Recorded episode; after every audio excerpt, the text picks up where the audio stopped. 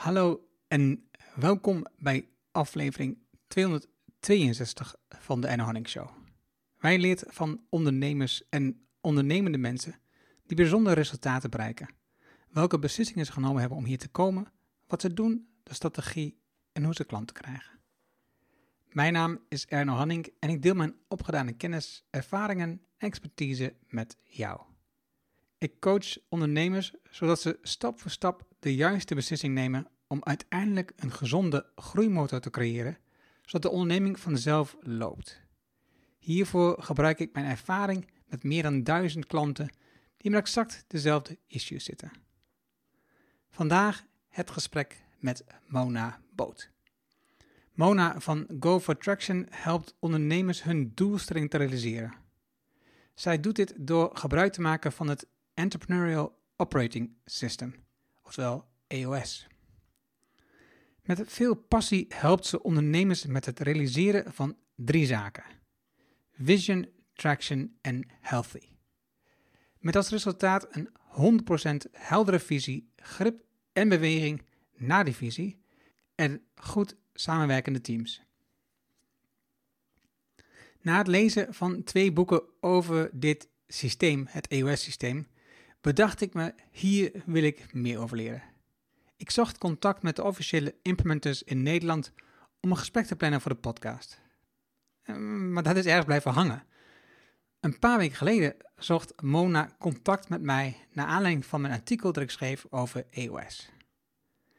In dit gesprek hebben we het over haar ervaring in de ICT en hoe ze doorgroeide naar de tweede persoon in het bedrijf.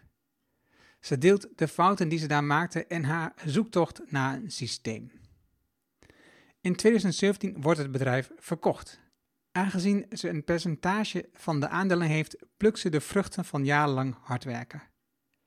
Ze besluit samen met haar man een rondreis te maken door Europa om uit te zoeken wat ze nu wil gaan doen.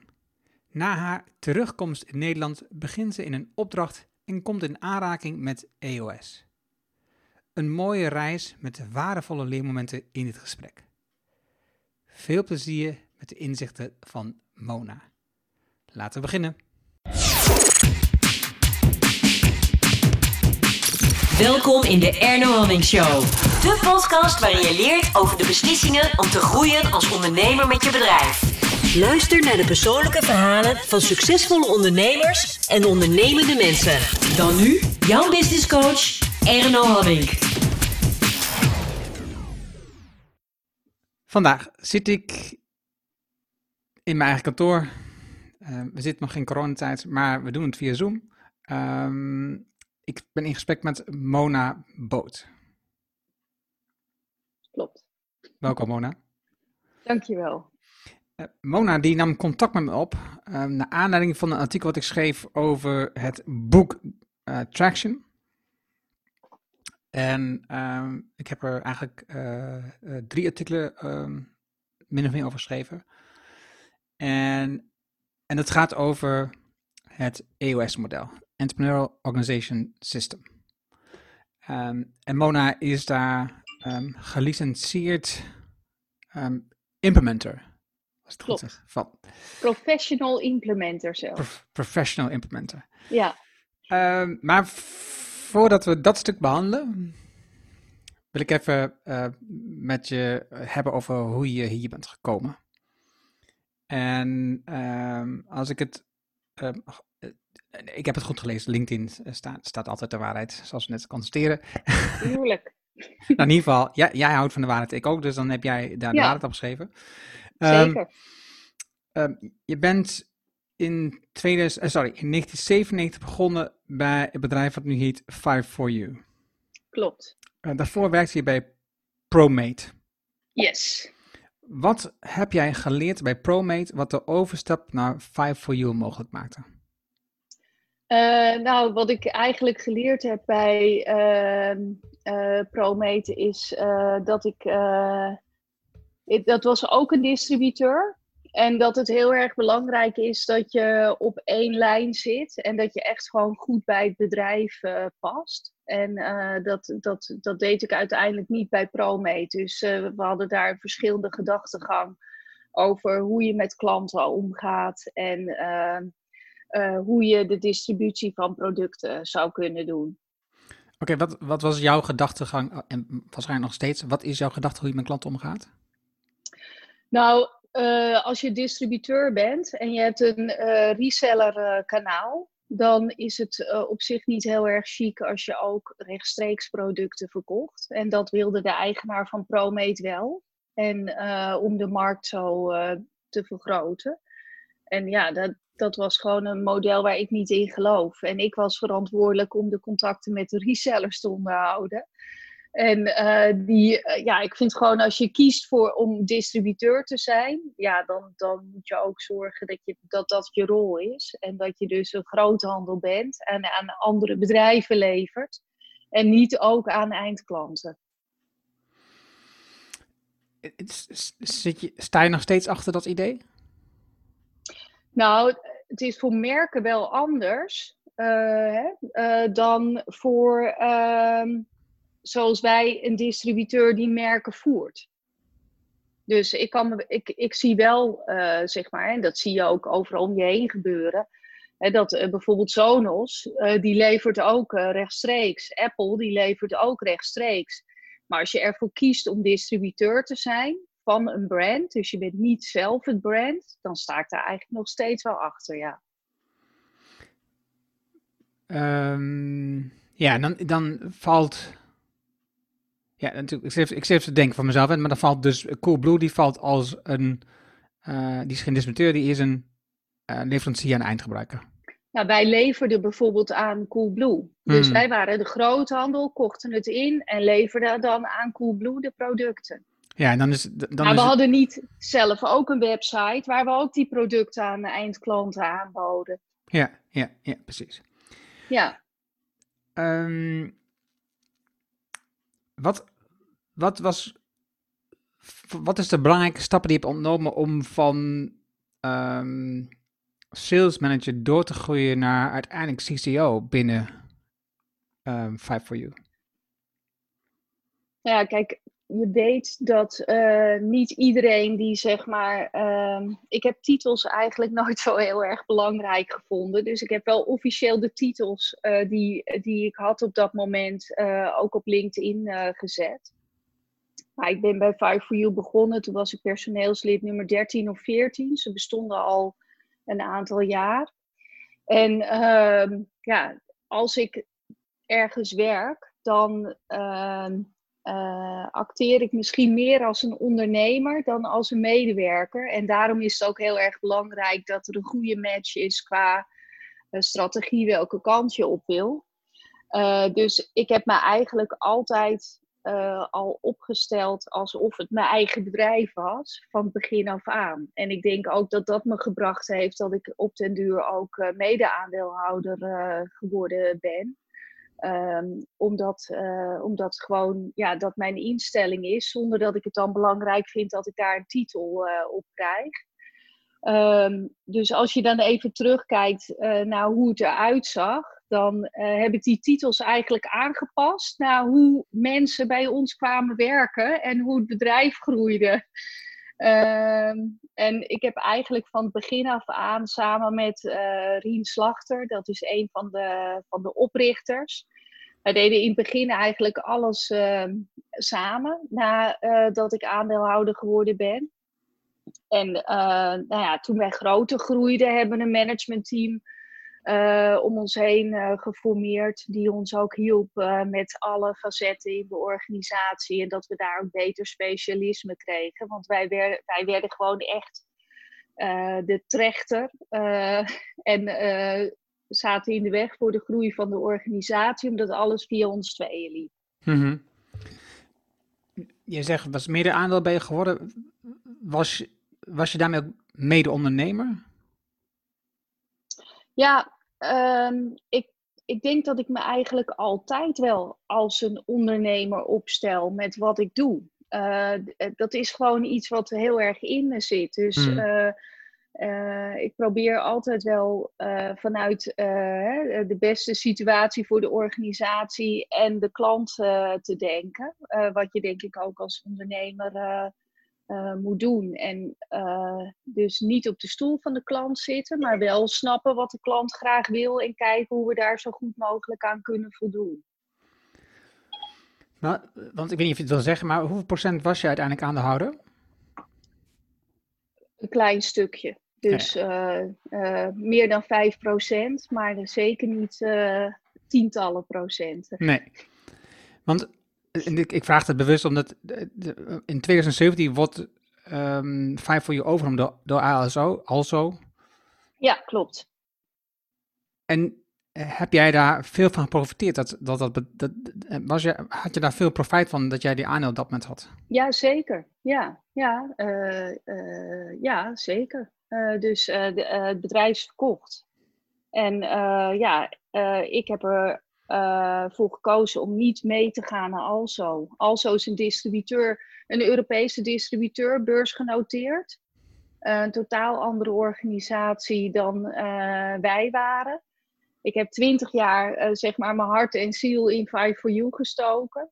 En, ik, en zij hadden al verstand van Apple-distributie. Ze hebben een commercieel systeem staan. Dus ik had daar ook niet, uh, ja, ik had niet de behoefte of de ambitie. En zij ook niet trouwens, dat ik daarin mee zou gaan. En dan in de stramien zou komen van een beursgenoteerde organisatie. En meer spreadsheet managen dan dat ik op een andere manier manage. Tenminste, dat was mijn beeld erbij. Ik heb het natuurlijk niet gedaan, dus ik weet niet hoe het echt zou geweest zijn. Maar uh, ja, uh, ja, zo is het gelopen. Dus, maar ik heb daar zeker van geprofiteerd. Ja, het heeft Rien, lang geduurd. Ja, dat, dat is meestal. Is, maar is Rien wel meegegaan of is die ook eruit gestapt? Uh, Rien is uh, meegegaan, maar die heeft er vrij kort uh, gezeten. Dus, dus die was, het was de bedoeling dat hij er langer zou zitten. Maar die is ook eigenlijk redelijk snel ehm, daar ook vertrokken. Ja, dat zie, je, dat zie je natuurlijk vaker. Ja. Een, bepaald, een bepaalde tijd moet je mee als, als eigenaar. Maar, maar dat strookt niet met wat je gewend bent toen je bedrijf moet. en buiten dat voorheen was het jouw bedrijf en kon je alles bepalen. Nu bepaal ik een andere. En dus is er een hele andere dynamiek ook voor, voor jou. En ook in jouw geval, Bona. Uh, het is, dus, ja. dus ik, denk, ik denk ook dat het zo ontzettend moeilijk is. Ja. En ik kan me nog voorstellen, als je bijvoorbeeld overgenomen wordt door ook een wat kleinere organisatie. En je gaat echt meer een fusieachtige in een ALSO-organisatie komt, hè, die uh, 3,5 miljard euro omzet doet en uh, meer dan 3000 medewerkers heeft, en wij 80. Uh, hè, dan kan ik me nog voorstellen dat het een hele andere situatie is. Maar ja, wij werden gewoon eigenlijk een beetje opgeslokt door een grote partij. Dus nou ja, dat, uh, uh, dat, dat, dat zag ik niet zo zitten. En ik was ontzettend blij voor iedereen dat we het rond hebben kunnen krijgen. Want het was, het was geen verkoop uit luxe. Want ja, wij waren, ja, we hadden gewoon privé aandeelhouders. We hadden geen investeerder erachter zitten. Onze main focus was Apple distributie. Um, Apple staat niet bekend in de markt als de meest gemakkelijke partij. Dus die hebben ook uh, bijvoorbeeld om een idee te geven, onze distributiecontracten, die waren officieel waren die één jaar. Dus uh, voor een investeerder die die markt niet kent, was dat eigenlijk gewoon geen doen om in te stappen. Want op papier ja, had je eigenlijk niks. Dus je moet echt snappen waar het over gaat. En wij groeiden nou ja, met Apple en door Apple natuurlijk ontzettend hard. Uh, waardoor we echt genoodzaakt waren dat er een oplossing kwam. Want we konden het gewoon financieel, konden het geld zeg maar niet meer genoeg rond laten draaien met uh, de marge die wij maakten. Is dat dan een cashflow probleem wat op dat moment ontstaat? Ja, dat is zeker. Dat is een cashflow probleem door groei. Ja. ja. En uh, dat zagen we van alle kanten aankomen, want we waren al echt uh, lang bezig om daar een oplossing voor te zoeken. Maar, en ook verschillende gesprekken gehad. Maar uh, ja, je kunt ook door groei zelfs failliet gaan. En dat hebben we gelukkig kunnen voorkomen. Uh, dus we hebben een hele goede deal en exit uh, kunnen maken. En ook kunnen zorgen dat alle medewerkers in principe overgenomen werden als ze dat wilden. Dus ik denk dat we dat uh, uiteindelijk nog goed hebben kunnen oplossen. Kun, kun jij misschien kort uitleggen waarom je failliet kunt gaan door, door groei? Uh, je kunt failliet gaan door groei, omdat je groei uh, kost geld. En uh, je hebt cash en uh, liquiditeit nodig om ervoor te zorgen dat je kunt groeien. In ieder geval in de branche waar wij in zaten. Dus wij deden 280 miljoen euro omzet, maar ja, met gemiddeld 3 tot 5 procent marge. En dan heb je klanten die een betalingstermijn eisen van 60 tot 120 dagen. Um, en uh, je hebt leveranciers die je moet vooruitbetalen of die binnen 30 dagen betaald willen worden. En dan heb je natuurlijk ook al je andere kosten, je personeelskosten en alle andere vaste lasten die je hebt. En ja, dan, uh, dan, dan wordt het op een gegeven moment wordt het te krap. Want wat zou je kunnen doen om dat te voorkomen? Nou, ik denk dat je dat uh, uh, zou kunnen voorkomen. Ik ben nu in contact gekomen bijvoorbeeld met het CFO-center. Uh, dat, is een, um, uh, dat is een bedrijf die uh, biedt eigenlijk CFO's aan in, op een part-time basis. Um, die je ook kunnen helpen om dit soort trajecten te kunnen begeleiden. En wij hadden een CFO, was ook een prima CFO, niks mis mee, voordat daar onduidelijkheid over ontstaat. Het is alleen zo dat die CFO die wij hadden, die was niet gespecialiseerd in de overnames en dat soort zaken. Dus we hebben daar ook iemand wel voor ingehuurd om dat te doen.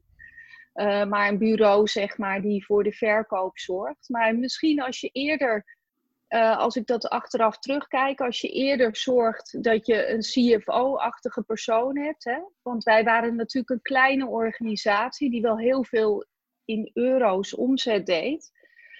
Uh, en we hadden misschien eerder daar uh, hulp op een hoger niveau uh, bij gezocht. Dan hadden we misschien dat nog beter kunnen stroomlijnen. Even terug wat je straks zei. Je had het over dat jullie een moment uh, met z'n tweeën de bottleneck vormden. Ja. Bedrijf. Ja. Leg dat eens uit. Nou, nou ja, op een gegeven moment uh, namen Rien en ik met name de beslissingen in de organisatie. Die organisatie groeide groter. En ik had echt letterlijk en figuurlijk een rij voor mijn kamer staan van mensen die dingen aan me wilden vragen. Um, en uh, tot frustratie van mezelf en tot frustratie van hun. Want um, ik had het gewoon slecht gemanaged. Dus ik had gewoon eerder moeten zorgen dat er meer breedte in de organisatie kwam. En dat uh, mensen gewoon daardoor dan ook beter wisten wat hun uh, uh, beslissingsbevoegdheid was. En dus dat is een van de harde lessen die ik geleerd heb. Um, en dat ik toch te lang dingen bij me gehouden heb en het slecht gedelegeerd heb. En waardoor ik eigenlijk ook de groei van de organisatie in de weg heb gezeten, echt. Dit is, dit is een probleem wat ontzettend veel voorkomt.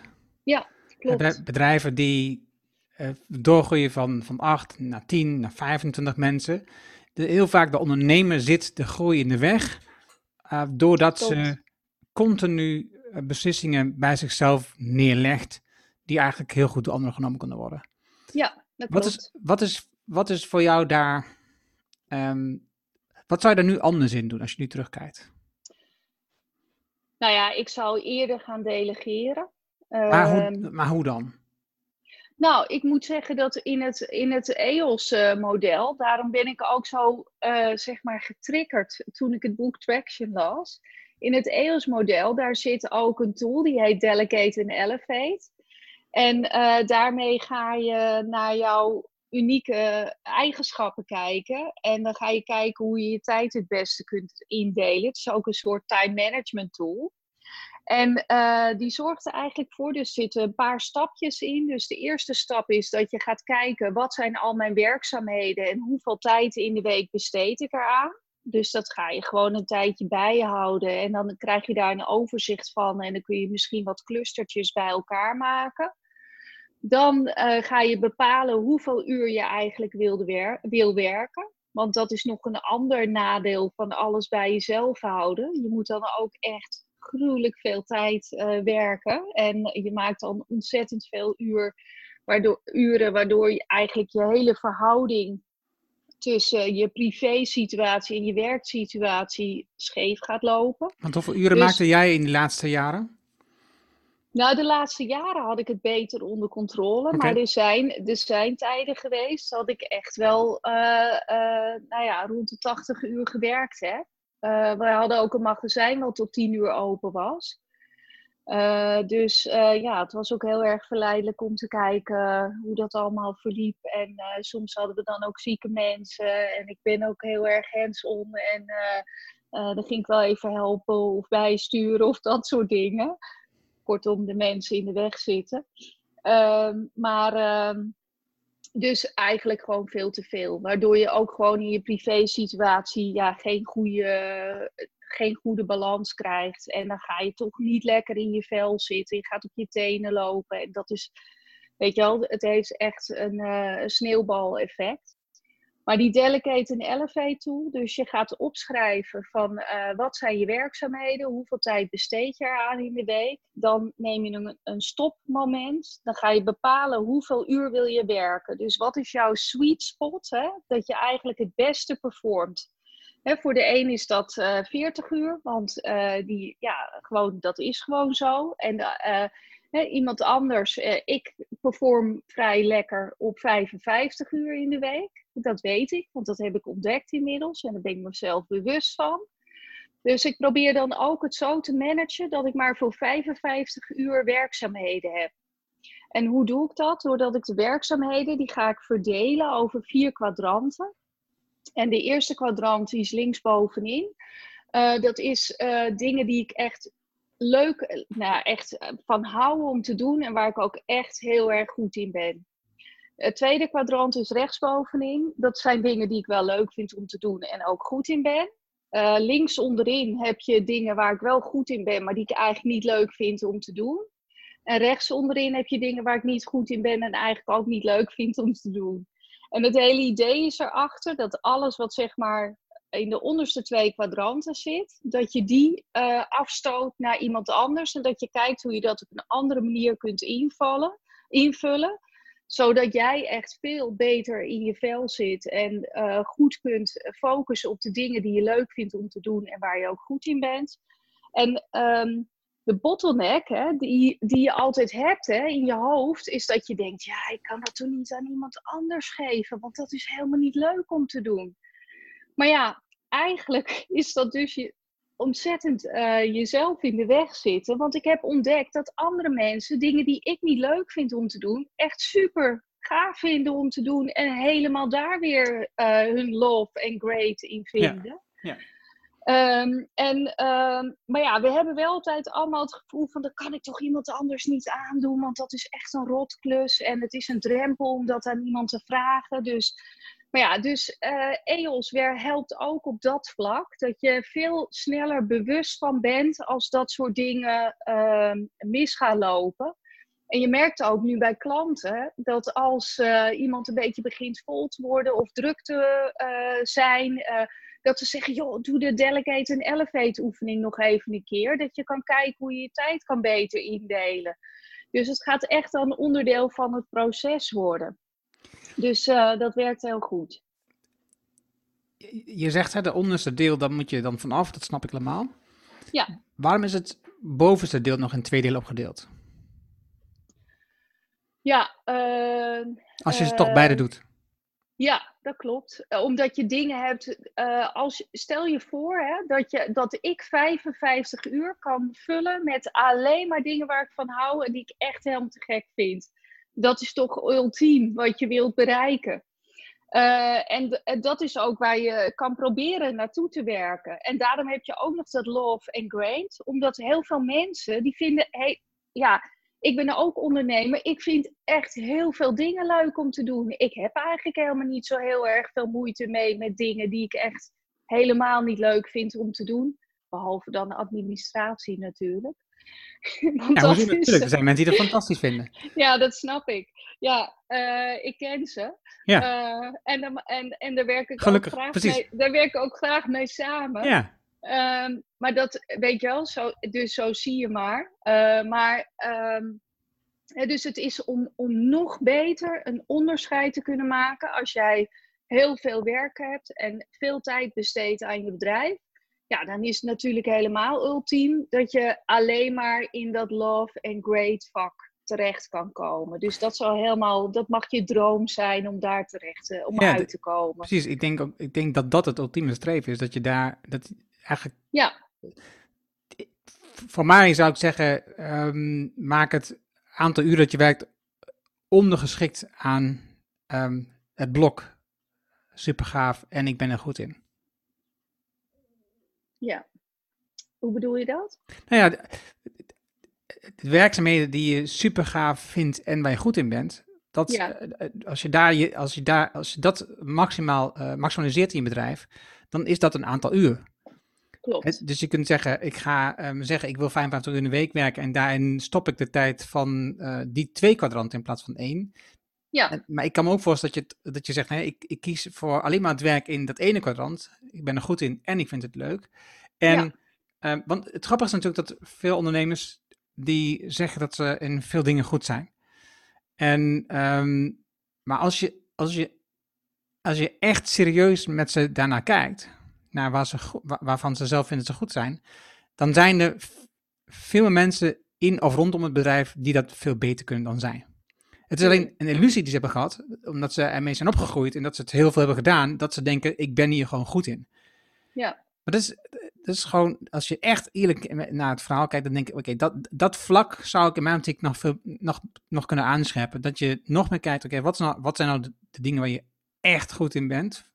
En, waar, en wat je ook echt super leuk vindt. En, ja, en dan kun je zeggen, ja, als dat nou 30 uur in de week is, dan is dat mijn tijd. Dan is dat de tijd die ik besteed in mijn bedrijf. Klopt.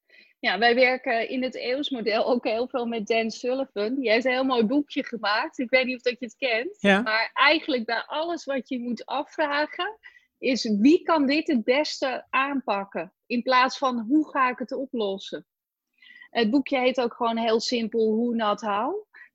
Ja, dat, maar alle uh, modellen van Dan zijn heel simpel.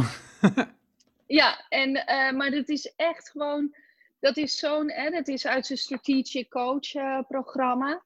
En uh, ja, dat is echt gewoon uh, een briljante gedachte, die natuurlijk weer simpel is, maar niet makkelijk. dus ehm, ik probeer het echt, ik heb het ook echt altijd bij me liggen, zoals een reminder van denk eraan. Ja, ga het niet gewoon doen. Ja, nou, ja. Ik, ik weet dat het super lastig Sorry. Ik weet dat het super lastig is, uh, van mezelf, maar ook voor anderen. Ik herken dat natuurlijk, net als veel ondernemers, dat je dingen oppakt en die denkt, nou, dat, dat is leuk. Maar dat heeft meer te maken met ook, um, A, wat, wat je hebt opgebouwd in je bedrijf, wat je, waar je in bent opgegroeid. Um, maar ook B, met um, elementen die er van een afstand zo interessant uitzien, omdat mensen, in mijn geval, bijvoorbeeld, ik kijk naar video. Dus kijk naar het, het, schrijven en podcast en video. Dat zijn drie elementen waarmee je content kunt maken. Tenminste, in ieder geval wat ik zou kunnen. Um, ik heb heel vaak geprobeerd met video wat te doen. Um, en ik ben nu tot de conclusie gekomen dat ik echt mee moet stoppen. Ja. Het is, de twee elementen waar ik echt goed in ben, is podcast en schrijven. En podcast eigenlijk eerlijk gezegd nog beter dan schrijven, maar schrijven um, gaat me ook goed af. Ja. Dat betekent dat ik gewoon tijd verspil aan video's maken omdat ik, omdat ik het, de, het idee achter video maken wel interessant vind. Dus als je een video maakt, dan, net zoals nu, je bent op camera, je bent op beeld. Mensen kunnen niet alleen maar je stem horen of je lezen. Mensen zien ook hoe je reageert. En daar vind je makkelijke aansluiting bij. Dus video heeft echt zijn waarde. En dat snap ik ontzettend. Ja. ja. Alleen je kan niet alles. Dus ik, ik snap heel goed dat, dat idee van um, hoe het hou. Hè. Dus in dit geval heb ik van mezelf uh, vorige week besloten, weet je, ik stop het video nu, het is gewoon nu klaar. Ja. En um, als ik nu weer begin met video, mm kan dat alleen maar doordat ik iemand inhuur die dat gaat doen voor mij. Dat is de enige manier waarop het kan. Of je koopt een Osmo Pocket. Ken je die? nee, Ah, Want het gaat niet om de camera. Het gaat om het editen. Het gaat om het online zetten. Het gaat om Ah, de, oké. de thumbnails. ja, Het gaat over de omschrijving. Het gaat over de tag. Het gaat over de titel. Het gaat over al die elementen die ervoor zorgen dat niet alleen de video er goed uitziet, maar ook nog dat het ehm, wordt gevonden en dat, het, dat je het goed kunt gebruiken. Weet je, het editen, de video maken, ik heb helemaal geen probleem met video maken. Ik maak een heleboel video's. Hè. Dat, is niet het issue. Het is het bewerken en ervoor zorgen dat het vindbaar is in YouTube en al dat soort dingen. En dat is echt veel werk. klopt. En, dat is, en dan Ja. moet je dus een keuze maken, waar besteed ik mijn tijd aan? En als je zegt, ik wil maximaal 35 uur in de week werken, denk ik, oké, besteed dat dan aan het kwadrant, ik ben hier super goed in en ik vind het super leuk. Ja, klopt. Ja, wij, wij noemen dan zeg maar jouw video noemen we shiny stuff. Omdat iedereen natuurlijk het nu over video heeft en dat het allemaal de nieuwe thing is. En eh, lezen en, en eh, podcast en alles, dat is het allemaal niet meer. Maar eh, eh, als je inderdaad er niet goed in bent, dan ga je ook je plekje er niet in vinden. En dan is het eigenlijk alleen maar afleiding van de dingen waar je wel goed in bent. Nee, en ik vind dus Dan Sullivan, die volg ik intensief. En ik vind dat het een mooi voorbeeld, wat hij bijvoorbeeld met podcast doet. Hij zegt, hey, podcast, ik ben niet goed in podcast. Ik ben goed in ehm, ideeën vertellen, ideeën uitwerken. Ja. En dus hij, hij heeft een eigen podcast. Nou, wij hebben een aantal podcastkanalen samen.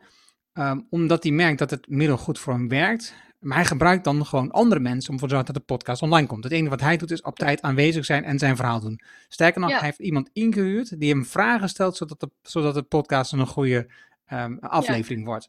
Ja, dat soort dingen, dat is, dat is toch... Dat is Ja, hij is echt, ja, maar hij is echt meester.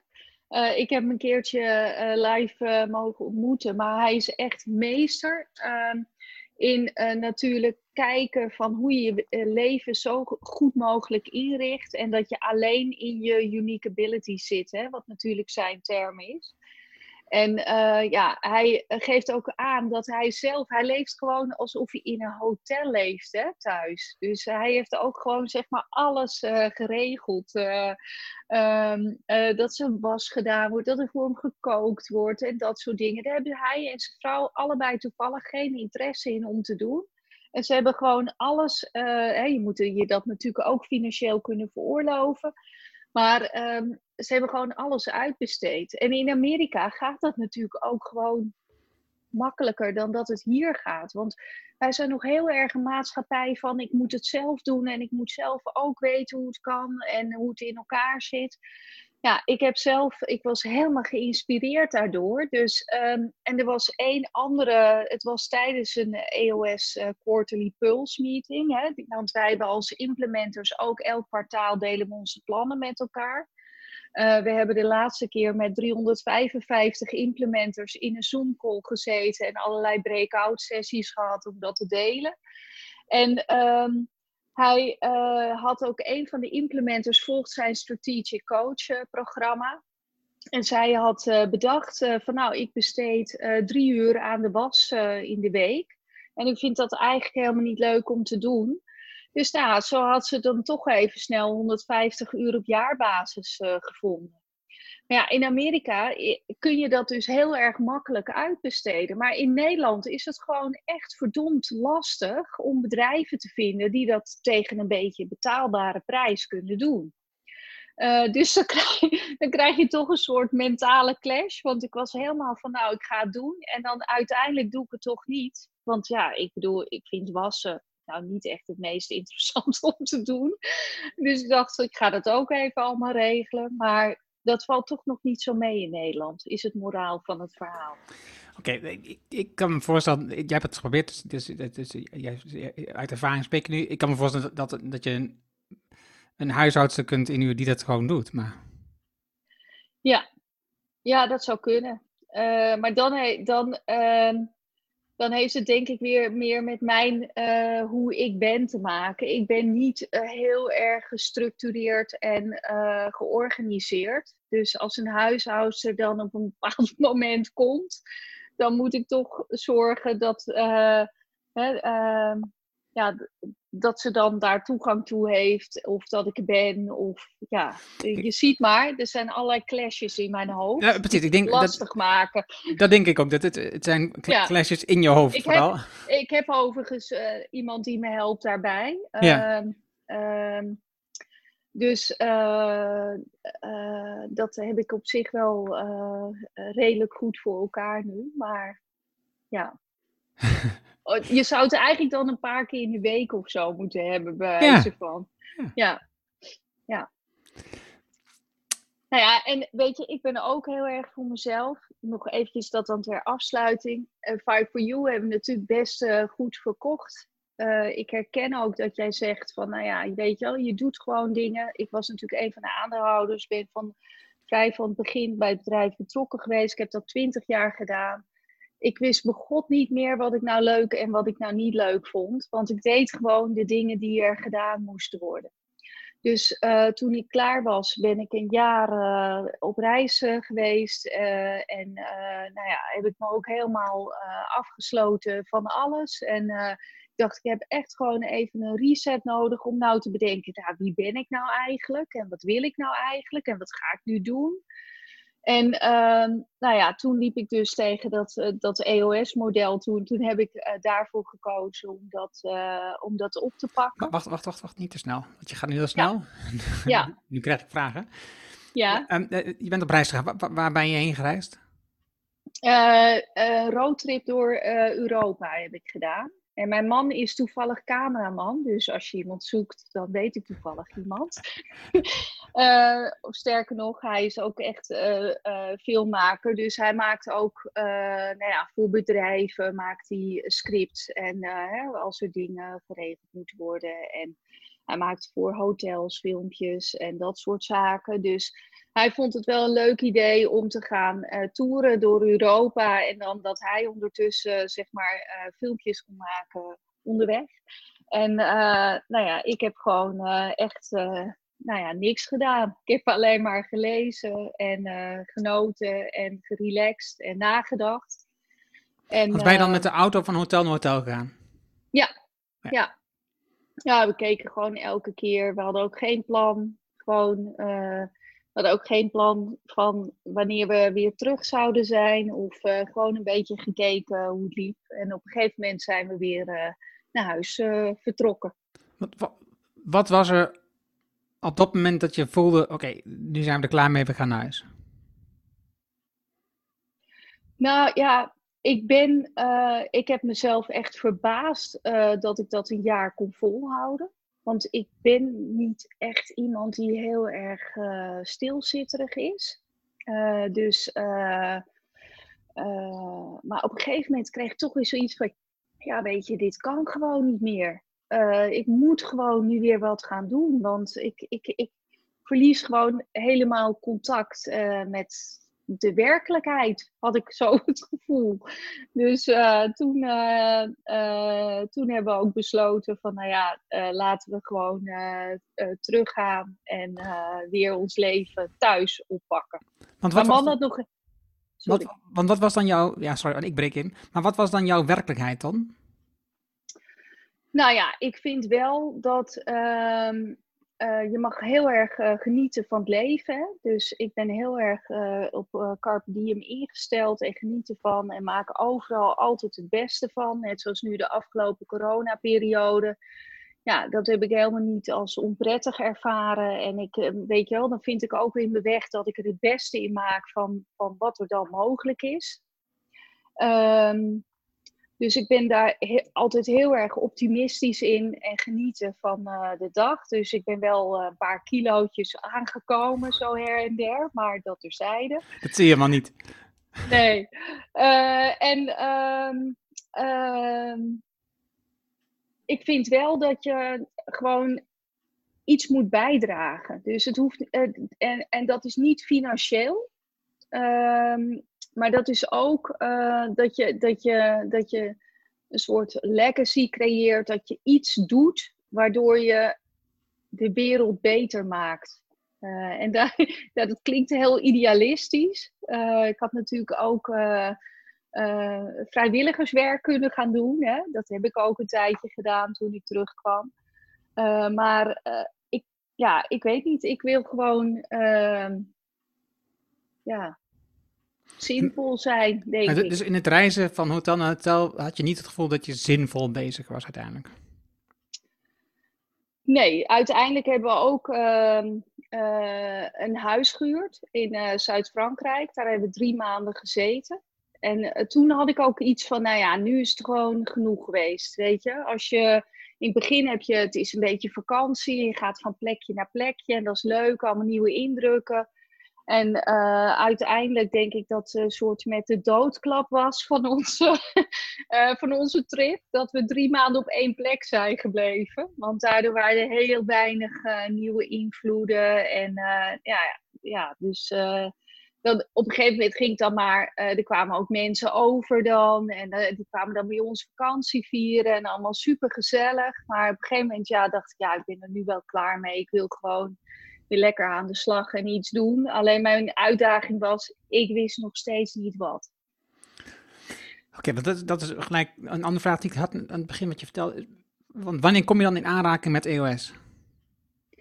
Nou, ik uh, kwam dus terug van die roadtrip en toen uh, uh, ging naar een verjaardag toe van een vriendin. En daar ontmoette ik een gezamenlijke vriend. En die had net zijn uh, tak verkocht, Nederlands tak verkocht aan Accenture.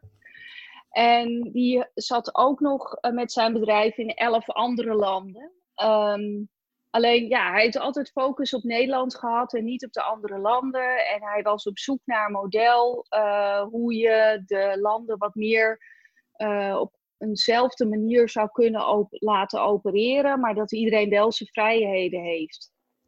En hij was ook uh, lid van de Entrepreneur Organization. En in die Entrepreneur Organization staat Julia Langer. En zij is, e zij is ook een van de EOS-implementers. Uh, en uh, nou, ik raakte met Paul, heet hij, in gesprek. En hij zei van, joh, weet je al wat je gaat doen? Ik zeg, ja, ik weet nog steeds niet. Maar ik heb eigenlijk echt wel zin om even aan de bak te gaan. En aan de slag te gaan. En, want ja, ik ben nu wel klaar met dat stilzitten. En thuis was het natuurlijk helemaal erg. Um, en um, toen zei hij, nou, ik heb wel een leuk traject, want ik, ik wil dus dit stroomlijnen en uh, wil jij me daarbij helpen? En uh, nou ja, toen ben ik het boek Traction gaan lezen. En toen dacht ik, jeetje, ik maar hij, dat ik dit... hij stelde dat men dan, dan Traction voor? Ja, ja ik kende het niet. En ja. terwijl ik toch echt wel heel veel managementboeken. Maar ja, kijk maar op managementboek.nl. Er zijn zo gruwelijk veel uh, managementboeken. Um, en toen las ik uh, Traction boek. En toen dacht ik echt, jeetje, waarom ken ik dit boek niet? Want um, ik werkte in kwartalen. Wij hadden al kwartaaldoelstellingen. Maar we zaten altijd toch een beetje te kijken van uh, hè, waarom lukken nou bepaalde dingen wel en bepaalde dingen niet. En uh, we hadden daar toch minder systeem omheen dan dat je bij het, uh, bij het EOL-systeem hebt. En ehm, nou ja, toen ik had met hem afgesproken van nou, ik ga het traject begeleiden totdat de training er is. en dan stop ik ermee. Want ik wil niet uh, blijven hangen. Want ik ken mezelf uh, goed. Dan vind ik het allemaal leuk. En dan ben ik gewoon bezig. En dan ga ik gewoon weer doen wat er gedaan moet worden. Zonder dat ik erbij nadenk of dat ik het zelf leuk vind. En uh, dus ik had het heel strikt gesteld. Dus nou ja, zo hebben we het ook gedaan. Dus ehm, ik heb daar ja, een maandje of tweeënhalf van tevoren heb ik met de kantoren allemaal contact opgenomen hebben we ingepland dat er uh, uh, een 90 minuten gesprek komt uh, voor alle landen. dat is een gesprek waarin we dan uitleggen wat het EOS-model doet. Want het is een systeem, dus als je eraan aan commit en als je het interessant vindt, ja, het is niet uh, een, uh, een dagje op de hei en dan is het over. Het is echt dat je, dat je, ga, je gaat committen voor een werkwijzeverandering in je organisatie. Dus om dat toe te lichten neemt vrij, vrij veel tijd in beslag. Um, en uh, die hebben we gedaan met alle landen. Die waren ook super enthousiast. En toen zijn we het voorwerk gaan doen. En toen hebben we de training gedaan. En toen ben ik uh, gaan kijken hoe ik daar verder mee aan de slag wilde gaan. Want ik was meteen verkocht. Ja, want dan, want dan besluit je om die training te gaan doen in Amerika, om, om gecertificeerd te worden. Ja, nou, ik dacht eerst nog, ik wil wel de licentie voor Nederland hebben hoor, eerlijk gezegd. Uh, maar dat ging niet. Uh, en, Want? Waarom uh, ging dat niet? Nou, dat, dat, eh, dat doen ze niet. Ze, hadden zelf, ze hebben zelf al plannen om, naar, om, om de Europese markt te bedienen. Dus we hebben in september hebben de eerste Europese meeting. En vanaf nu wordt er ook elk kwartaal een meeting in Londen georganiseerd. Uh, dus ze hadden die plannen al, dus dat lag, dat, dat lag er eigenlijk helemaal niet aan in de lijn van hoe ze het willen opzetten. Dus zij, zij, zij verkopen die licentie eigenlijk helemaal niet. Uh, dus dat was eigenlijk het eerste idee. Mm -hmm. uh, en uh, nou ja, toen uh, ben ik uh, de training in Amerika gaan doen. En heel eerlijk gezegd, ik had zoiets van, nou, ik vind het systeem echt uh, geweldig. Maar ehm, ik heb net zoals heel veel Nederlanders, heb ik ontdekt, toch wel een soort idee en beeld bij een Amerikaans systeem. Hè? Dat het allemaal een beetje kumbaya en uh, oh, it's awesome en it's amazing en dat soort dingen. Dus ik dacht, nou, ik moet me er even op instellen. Dan sta ik netjes op die website en dan kan ik gewoon uh, vol aan de slag. Maar ja, toen raakte ik eigenlijk, uh, toen kwam ik dus in aanraking met de community. en dat, dat, dat klinkt als een heel eng woord. Maar ehm, toen ontdekte ik dat dat ehm, denk ik ook door de kernwaarden die er zijn rondom EOS. Uh, dat ik met heel, uh, allemaal hele, ja, met twee voeten op de grond mensen in aanraking kwam die elkaar echt allemaal willen helpen. Het is echt gewoon af en toe het idee, heb ik helemaal niet het idee dat ik het in mijn eentje doe, maar dat ik nog 376 collega's heb inmiddels als je maar een vraag hebt, dan kun je bij de collega-implementers die het al langer doen. Hè? Want in Amerika wordt het systeem al meer dan tien jaar uitgerold. En uh, we werken op dit moment als implementers bij zo'n 8800 bedrijven. En er zijn zo'n 80.000 bedrijven die de tools gewoon downloaden en gebruik van maken. Dus het, ja, het is iets wat al heel erg lang bestaat. En als ik ergens tegenaan loop, dan kan ik gewoon uh, in overleg met mijn collega's uh, kijken hoe we daar een goede oplossing voor kunnen vinden. Want hoogstwaarschijnlijk zijn zij er al een keer tegenaan gelopen, want ja. ze doen het al wat langer. Je bent op dat moment in aangegaan met het boek um, Traction. Klopt. Had je daarvoor ook al te maken gehad of gehoord van Rockefeller Habits of Scaling Up? Jazeker, want ik gebruikte eigenlijk dus uh, die Rockefeller-strategie. Dus uit die tijd kom ik nog. Toen heette het helemaal nog geen scale-up. Nee.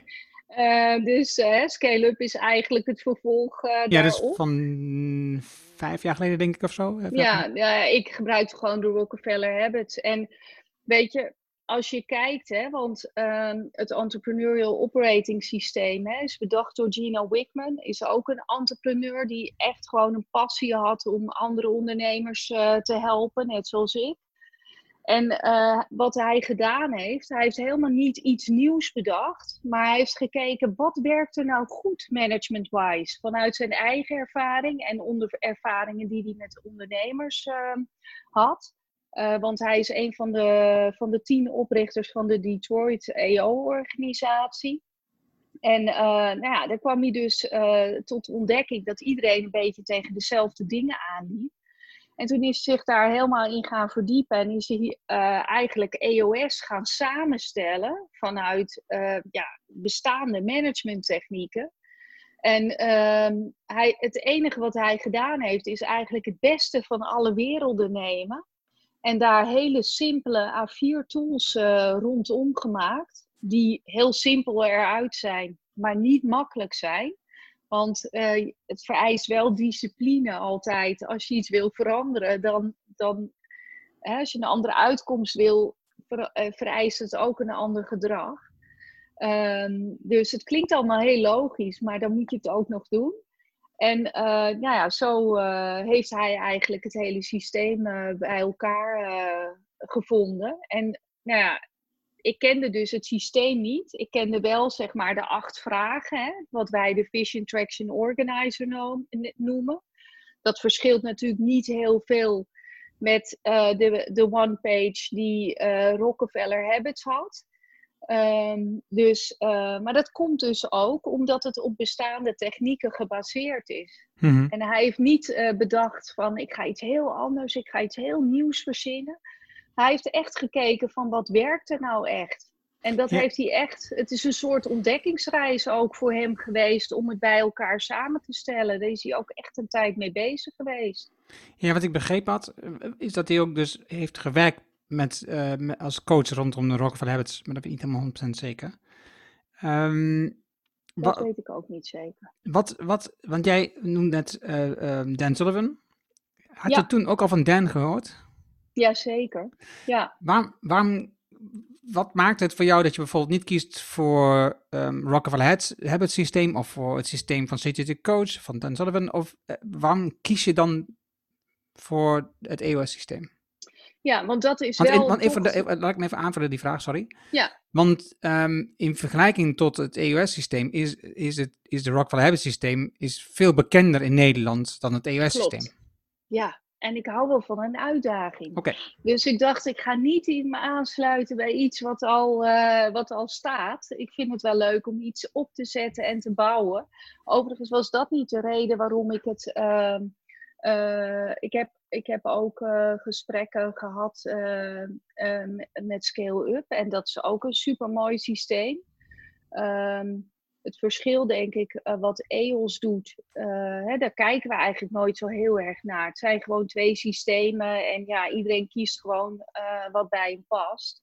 Het mooie aan het EOS-systeem vind ik dat um, um, je gaat je bedrijf versterken in zes componenten. En als je dat doet, dan krijg je eigenlijk drie dingen. Vision, traction, healthy. Dus een 100% heldere visie je krijgt uh, traction doordat je beweging uh, krijgt naar die visie toe, zodat mensen met verantwoordelijkheid en discipline naar die visie toe kunnen werken. En je krijgt healthy omdat je een hele goede team spirit krijgt, doordat je een open en eerlijke communicatie gaat bouwen in je organisatie. En dat sprak me eigenlijk heel erg aan. En dat doe je door je bedrijf te versterken in die zes componenten. En um, nou ja, de, weet je, um, er zijn twaalf tools standaard hè, die in het boek beschreven worden. Er zijn uiteindelijk twintig tools uh, die we te bieden hebben. En uh, die tools die, ja, die, die maken eigenlijk dat je ook echt kan werken om in elk component minimaal naar die 80% toe te gaan werken. Want 100% is natuurlijk utopie. Dan zou je allemaal perfecte bedrijven creëren en dat bestaat natuurlijk niet. Um, dus, uh, maar met die tools kun je echt daadwerkelijk werken om te zorgen dat je sterk wordt in het visiecomponent, dat je sterk wordt in het mensencomponent, hè, de juiste mensen op de juiste plek. Dat je sterk wordt in het uh, datacomponent, dat je een scorekaart gaat creëren waarbij je kunt bijhouden of dat je on-track of off-track bent. Uh, dat je zorgt dat er uh, issues uh, besproken kunnen worden en dat er een open cultuur bestaat waar mensen niet bang zijn om fouten te maken, maar juist vanuit fouten kijken van jongens, hoe kunnen we dit de volgende keer met elkaar beter doen en dat ze zelf aangeven van dit is een misgelopen. qua proces hebben we twee tools waarbij je gaat kijken dat je 20% van het proces beschrijft, waarbij mensen voor 80% weten uh, hoe ze ermee om kunnen gaan. Ja, dus eigenlijk, en, als je kijkt naar een van, een van de bottlenecks waar jij mee zat, um, is, is, dit, is het proces vastleggen, dat is een belangrijk element om ervoor te zorgen dat mensen niet uh, bij jou voor de deur in de rij staan om, om beslissingen op te halen. Nee, proces is echt een onderdeel. Dus het is één van de zes componenten. Het is heel grappig dat je dat zegt. Want ik, ik dacht ook altijd van joh, als ik nou maar veel processen heb, dan heb ik alles opgelost. Maar um, ja, de, dat is dan ook weer net niet zo. Ehm, dus uh, het is wel een combinatie van dat je en de juiste mensen op de juiste plek en dat ze weten wat de visie is en dat je dingen meet met elkaar, zodat je elkaar dat je beter kunt worden samen. Hmm. Dus ook dat meten wordt niet gedaan vanuit een uh, oh, je hebt het proces niet goed doorgelopen en nu heb je iets fout gedaan, hè? want dat is absoluut niet waar het voor gemaakt is en wat het doel is. Het is echt om met elkaar te kijken van jongens, hoe kunnen we nou beter voorspelbaar worden? Zodat wij eh, gewoon echt realistische doelstellingen kunnen zetten. En als je realistische, maar toch een beetje uitdagende doelstellingen zet, dan krijg je ook een hele fijne cultuur waarin je kunt werken. Dus het is echt allemaal een onderdeel uh, ervan. Mhm. En het laatste component is het traction component. En daar zet je ook die drie maandelijkse doelstellingen. Want je creëert een 90 dagen wereld. Waarin je ja, elke 90 dagen nieuwe doelstellingen zet. En dat wordt ook de werkwijze hoe je, uh, hoe je gaat opereren met je organisatie.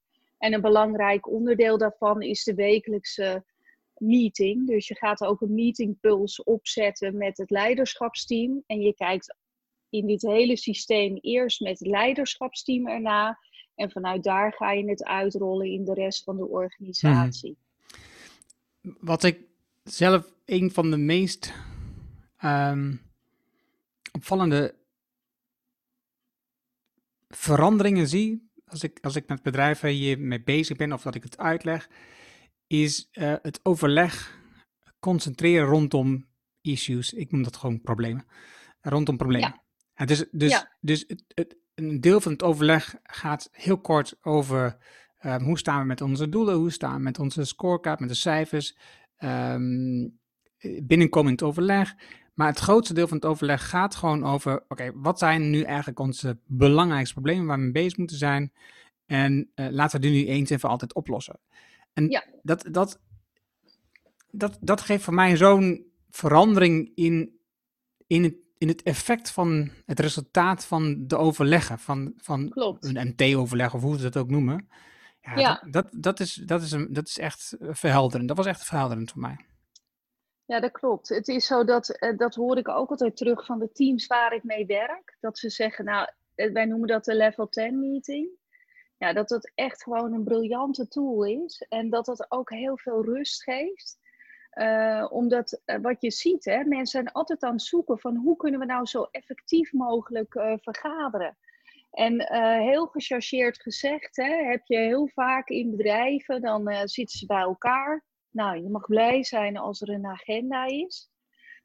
nou, en als er dan een to-do-lijst is van vorige week, dan spreek je eigenlijk over de to-do-lijst van vorige week. En dan krijg je allerlei verhalen te horen hoe goed iemand iets heeft opgelost of, waarom iemand iets niet heeft kunnen doen, inderdaad.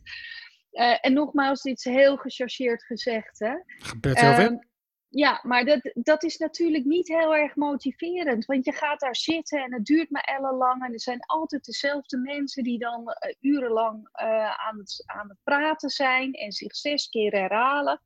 En um, deze manier van, van vergaderen, die is zo verhelderend, omdat je, hè, je, hebt, je hebt vijf minuten dat je even binnenkomt en dan heb je inderdaad twintig minuten waarin je uh, je scorekaart doorneemt, je cijfers doorneemt, uh, je doelstellingen allemaal doorneemt, kijkt of dat er nog andere headlines zijn die je moet delen en je to-do's, die handel je af in 20 minuten. Dus daar ga je heel snel doorheen, waardoor iedereen gewoon weet hoe het bedrijf ervoor staat in 20 minuten. En dan heb je dus de tijd om te kijken van nou, waar, uh, waar kunnen we onszelf nog verbeteren? En heb je een uur tijd met super intelligente mensen, waarbij je echt aan dingen eens en voor altijd oplossen bezig bent. En dan uh, het andere mooie eraan is, is dat je hoort natuurlijk ook heel vaak van ja, dat hebben ze daar uh, boven besloten of op hè, dat hebben, heeft het management besloten of dat soort dingen.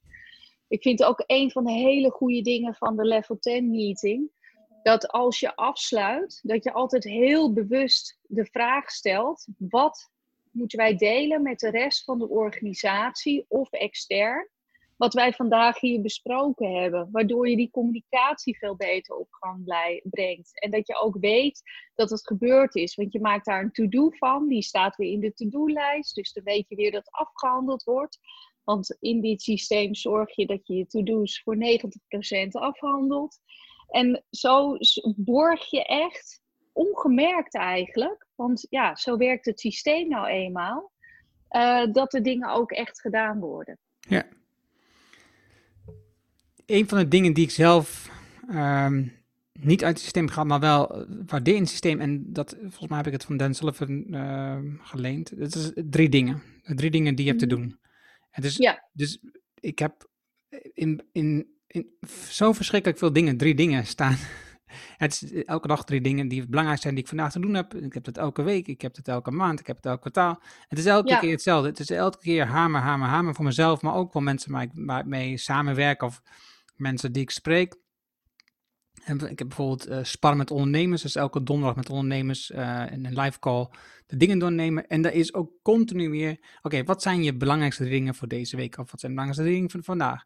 En het, het, grappige is dat mensen continu proberen om daar op dat lijstje veel meer op te prutsen. Um, uh, die, die, ze ook, die ook moeten gebeuren. Dus ik heb drie belangrijke dingen, die, die moet ik echt doen. Maar dan heb ik nog deze dingen die ook moeten gebeuren. En elke keer komt het lijstje niet af. Dus, dus wat bij mij altijd zo was, ik had een lijst van nou, zeg maar 10 of 15 dingen vanuit de angst eigenlijk dat op een bepaald moment dat ik zonder acties zou zitten. Dus stel dat ik alle acties af en toe op mijn lijst staan, dat ik, dan heb ik gewoon, dan, dan heb ik niks te doen. Dat is toch heel raar.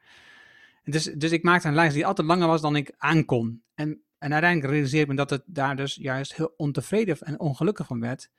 Want mijn lijst was nooit af. En dus het werk, het, er was nooit een tevreden gevoel. En nu, doordat ik werk met een lijst van drie dingen, um, heb ik aan het einde van de dag, of in het midden van de dag, wat dan ook, een moment waarvan ik denk: oké, mijn drie dingen zijn klaar. Ik kan nu stoppen. Dat doe ik lang altijd niet, maar, maar het kan wel. Mhm. De, ja. de, belangrijkste dingen die ik moest doen, zijn gedaan en mijn dag is klaar. Ah, ja. Dat was echt een verlichting. Nou ja, en mooi dat je dat naar voren brengt. Want uh, wij kijken ook, uh, een van de eerste dingen waar wij mee beginnen in het EOS-model is met de accountability chart.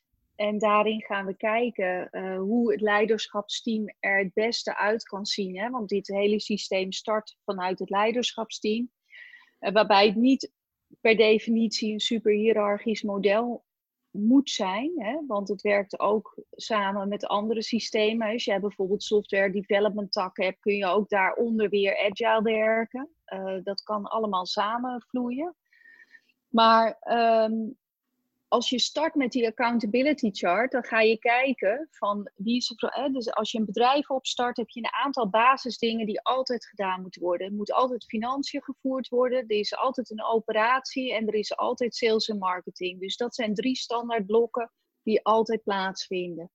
Nou, daarboven zetten wij dan, dat noemen we de rol de integrator. Uh, dat is vaak uh, de managing director, de COO of de CEO. Eh, welke term je er ook aan aanhangt. Wij kijken niet naar functietitels, maar wat de functie inhoudt en welke vijf rollen erbij horen.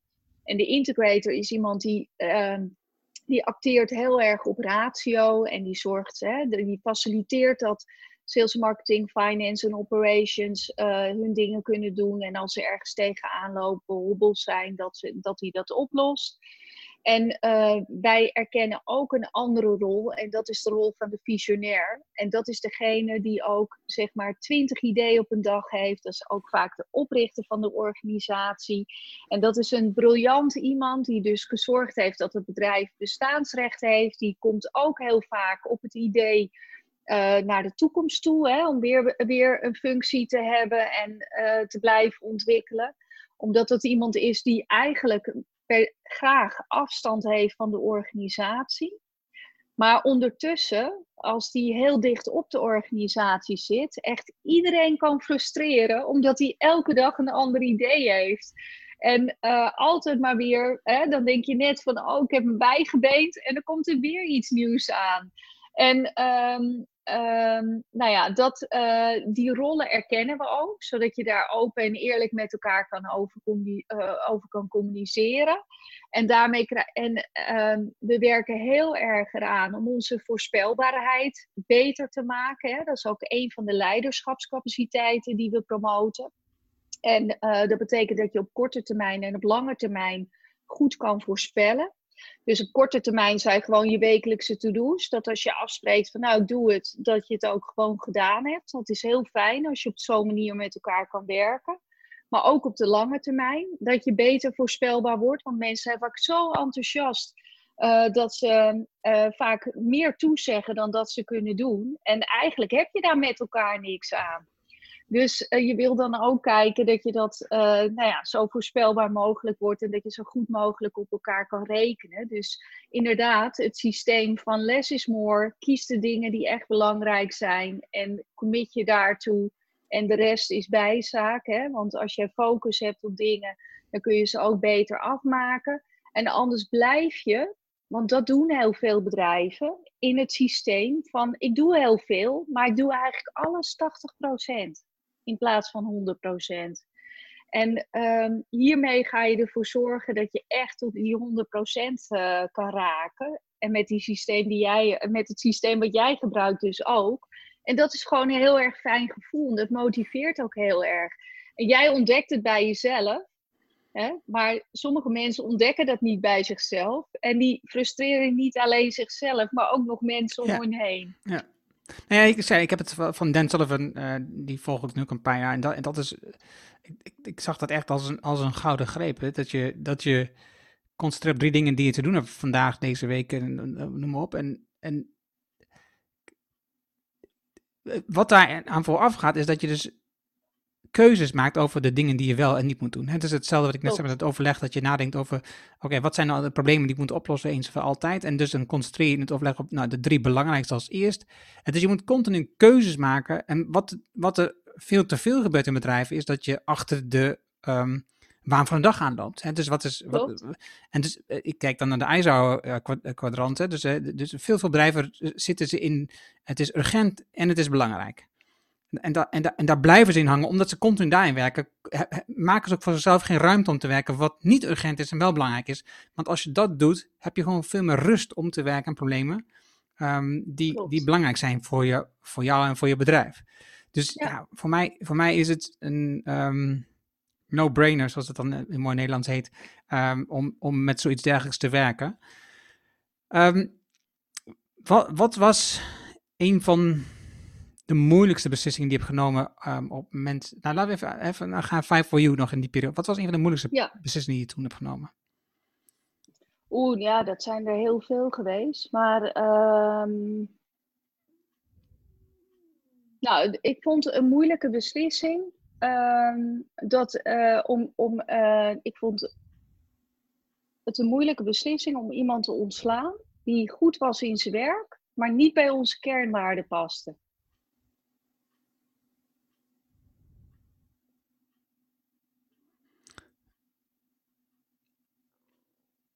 En uiteindelijk is dat de beste beslissing voor allebei. Want als iemand uh, zeg maar niet bij de organisatie past, hè, dan wordt hij daar uiteindelijk ook niet gelukkig. Uh, maar dat zijn dan wel mensen die soms briljant in, in, in hun werk zijn. Uh, en ik merkte ook dat ik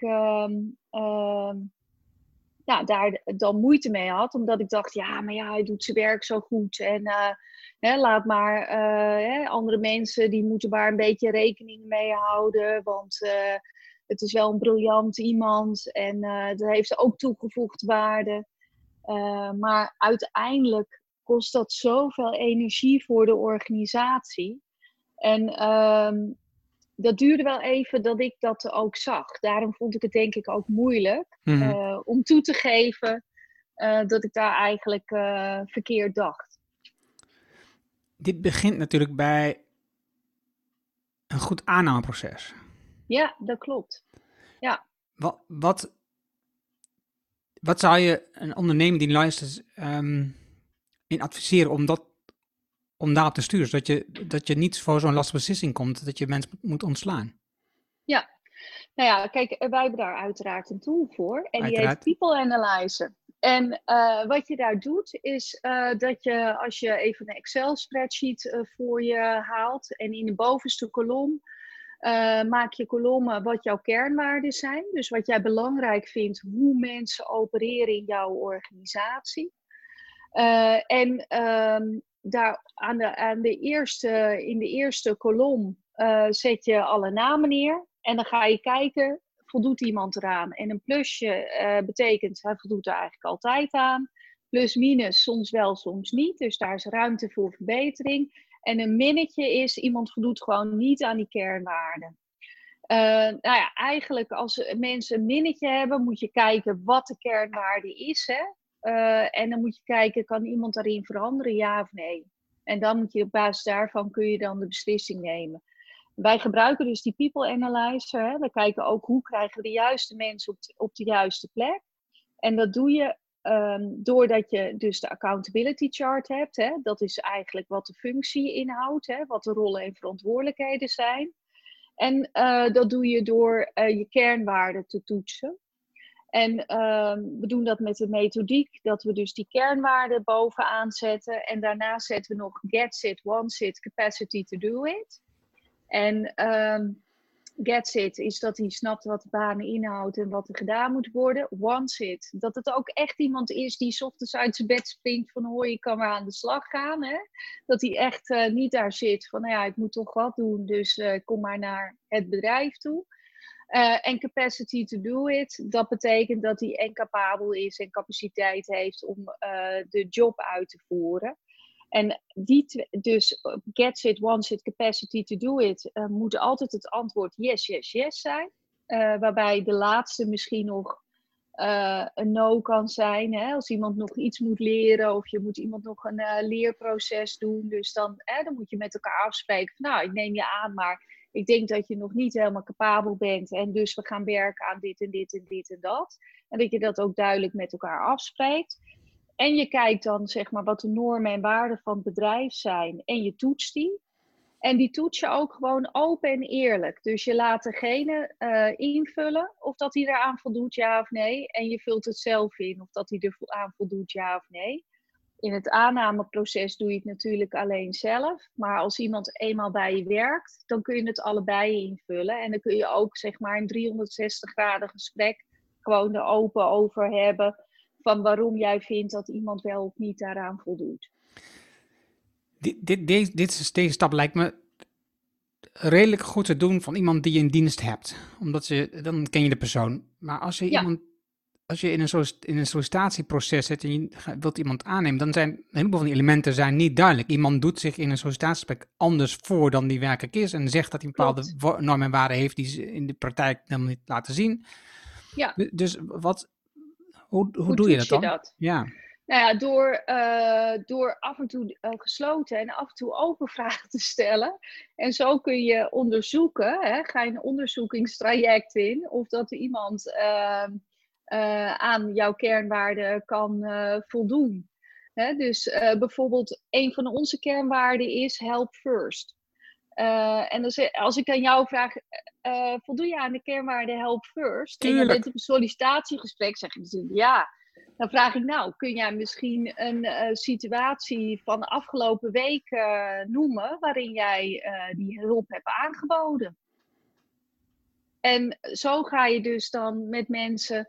En hè, wat was het resultaat van wat jij dan hebt aangeboden? En hoe ziet dat er dan nu uit? En wat heb je, hè, hoe zou je daar dan in de toekomst mee omgaan? En dus door vragen te stellen eromheen kun je aardig uh, uh, ontdekken of dat iemand er echt aan voldoet mm. of niet aan voldoet. Er zijn natuurlijk heel veel bedrijven die hebben. Ik heb bijvoorbeeld een van mijn klanten die wilde graag de kernwaarde snelheid ook erin hebben, hè, omdat het een, uh, het is een IT-bedrijf en ja, er moet altijd snel gereageerd worden. Als mensen iets hebben, dan willen ze natuurlijk altijd al gisteren opgelost hebben. Of als ze een nieuwe computer hebben, vinden ze dat zo leuk. Dat ze ook al eergisteren. Nee, het is geen kernwaarde. Dus weet je wel, dus dan, um, nou ja, zo ga je met elkaar op een ontdekkingsreis. Hoe je dat dan het beste kunt gaan, uh, gaan oppakken.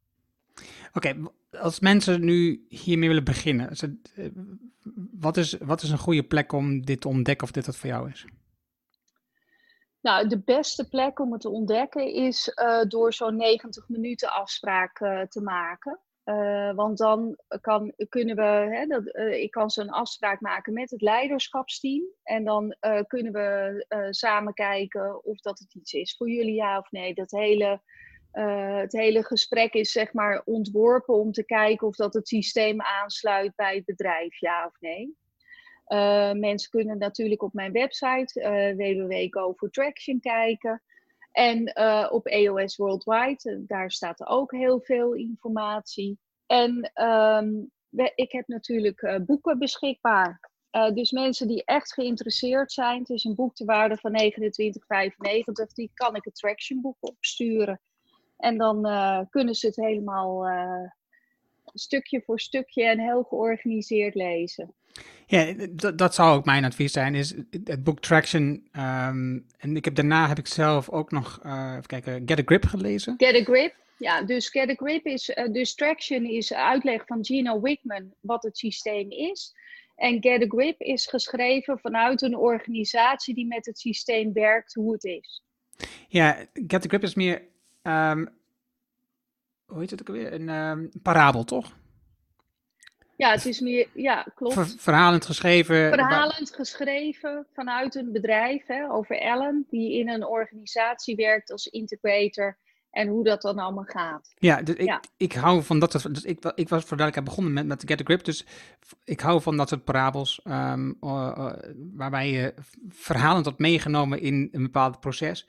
Um, dus ja. nou, dat, zou, dat zou mijn suggestie zijn uh, uh, als je een beetje van een verhaal houdt lees Get a Grip. En daarna ben ik Traction gelezen, want dan leer je meer over die uh, modellen, die systemen en die tools.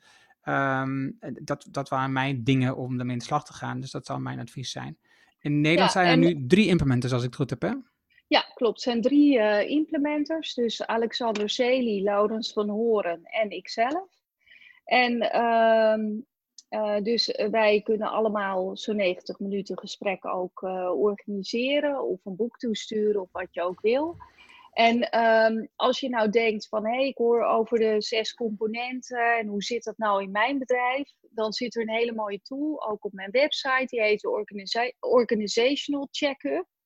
Waarbij je vragen kunt beantwoorden en waarbij je dan kunt toetsen hoe sterk je bent in elk component. En als ik dan een gratis type over mag geven, is het heel erg leuk als jij een bedrijfseigenaar bent en je bekijkt het vanuit je eigen ogen en vanuit je eigen koker, dat je het ook gewoon door iemand uh, binnen je bedrijf laat invullen. En dat je eens kijkt of dat daar nou verschil in zit, ja of nee. Ja, nou, dat kan me iets bij voorstellen. Ik weet dat ik dat ook al een paar keer gedaan maar dat niet op die Ik had de drie vragen die, eh, dat had ik een artikel over geschreven, de, drie belangrijkste vragen die je moet stellen. Hoe effectief zijn jullie in het interne overleg? Hoeveel zijn jullie in ja. overeenstemming met jullie plan? En hoe zou je het niveau van verantwoordelijkheid op dit moment beoordelen? En, Klopt. en, nou ja, en dan zie je, als je dat doet met, met de mensen in het bedrijf, of met het kernteam of met meerdere mensen in het bedrijf, dan zie je uh, het verschil van perceptie op, dat, op, op die vlakken. Dus ik vond, ik vond dat uh, super. ja. Interessant. Ik had gisteren had ik nog een 90 minuten gesprek uh, met, uh, met een bedrijf. En uh, via Zoom ook. En toen heb ik de tool Mentimeter gebruikt. Want wat heel erg leuk eigenlijk is, is als je live met mensen aan tafel zit, dan kun je soms zeg maar groepsdenken krijgen. Ja. Dus dat de eigenaar antwoordt en dat de rest dan zegt, ja, dat vind ik ook. Uh, of dat iemand het eerste roept en mensen daarop gaan aansluiten. En als je die drie vragen dus stelt, hè, eh, want Mentimeter is een tooltje waarbij je op je telefoon kunt inloggen en dan kun je antwoord geven op de vragen. Dat is anoniem. Iedereen geeft zelf uh, de antwoorden die hij zelf wil geven. En dan krijg je, boem, ineens de resultaten op het scherm. En uh, dat, dat geeft hele leuke en grappige en open effecten die weer besproken kunnen worden. Gisteren had ik dus ook, um, um, ik had het expres opengelaten, want officieel moet je een cijfer geven tussen de 1 en de 10. Maar ik had het niet alleen numeriek gemaakt. En toen was bijvoorbeeld de vraag van, wat is de visie van jullie bedrijf? Toen zei, die, ja, die, zei iemand, nou die is eigenlijk helemaal niet goed bij me bekend, had iemand ingevuld. Eh, terwijl iemand anders een 8 gegeven had. Dus eh, dat is echt gewoon super nice als je dat via die manier doet. Dat is eigenlijk, ik zit er echt over na te denken dat als ik voortaan live het ga doen, dat ik gewoon- ook vraag of dat ze het via hun telefoon gaan invullen. Ja, want dat geeft hele leuke effecten. Precies. Ja, Mona, ehm, het was al langer mijn wens om iemand die eh, veel meer werkt ehm, in de podcast te halen over rondom dit model, het EOS-model. Dat was, eh, ik, toen ik het boek las, had ik eh, gelijk al alle drie implementers in Nederland een bericht gestuurd van eh, wil je met me connecten? En dan eh, de volgende vraag zou zijn, laten we een afspraak maken om in een podcast een gesprek over te hebben. Nou, dat is toen niet gelukt, maar nu wel. Dank je wel daarvoor. Ja. Het was super leuk om van je te leren en te horen hoe jij dat doet. En voor mij nog belangrijker om dit ehm, idee te delen met, ehm, met meer mensen dan alleen mezelf. Ehm Dank je wel daarvoor. nou jij bedankt. Ik vond het echt super leuk om te doen. Mooi. Oké, dankjewel. Dat was het mooie gesprek met Mona. Je vindt de namen en links die we noemden in het artikel dat bij deze uitzending hoort. Ga daarvoor naar ernohanning.nl slash show 262. 262. Wil je vanzelf automatisch de volgende afleveringen van deze podcast op jouw telefoon krijgen? Dat kan. Heb je een iPhone, dan zit daar standaard de Apple Podcast app op. Zoek daarin de Hanning Show op, klik op abonneer en vanaf dat moment krijg je vanzelf de volgende afleveringen. Heb je een Android-telefoon, ook eenvoudig, installeer dan bijvoorbeeld eerst de Player FM app. Zoek daar in de Show op, klik op abonneer en vanaf dat moment krijg je de volgende afleveringen vanzelf op je telefoon. Dankjewel alvast. Heb je vragen, opmerkingen of een reactie op deze aflevering met Mona? Stuur dan een e-mail naar podcast.ernohanning.nl. Ook als je een vraag over de podcast in het algemeen hebt, naar dit adres. Ik weet dan namelijk dat het van de podcast komt. Dankjewel en ik hoor super graag van jou. Gebruik de crisis om veranderingen te realiseren. Ontdek hoe je innovatie juist nu kunt versnellen en 9 gouden tips die je nu kunt doen voor je marketing. Wil je leren met- welke beslissingen je sterk uit deze crisis komt met je team? Vraag dan het boek Betere Beslissingen rondom een crisis aan op ernohanning.nl. Dit is mijn nieuwste boek en je downloadt het nu helemaal gratis. Je hebt zelfs geen e-mailadres nodig. Wil je de papieren versie van dit boek? Dat kan ook. Je betaalt dan alleen de verzendkosten. Het boek blijft gratis.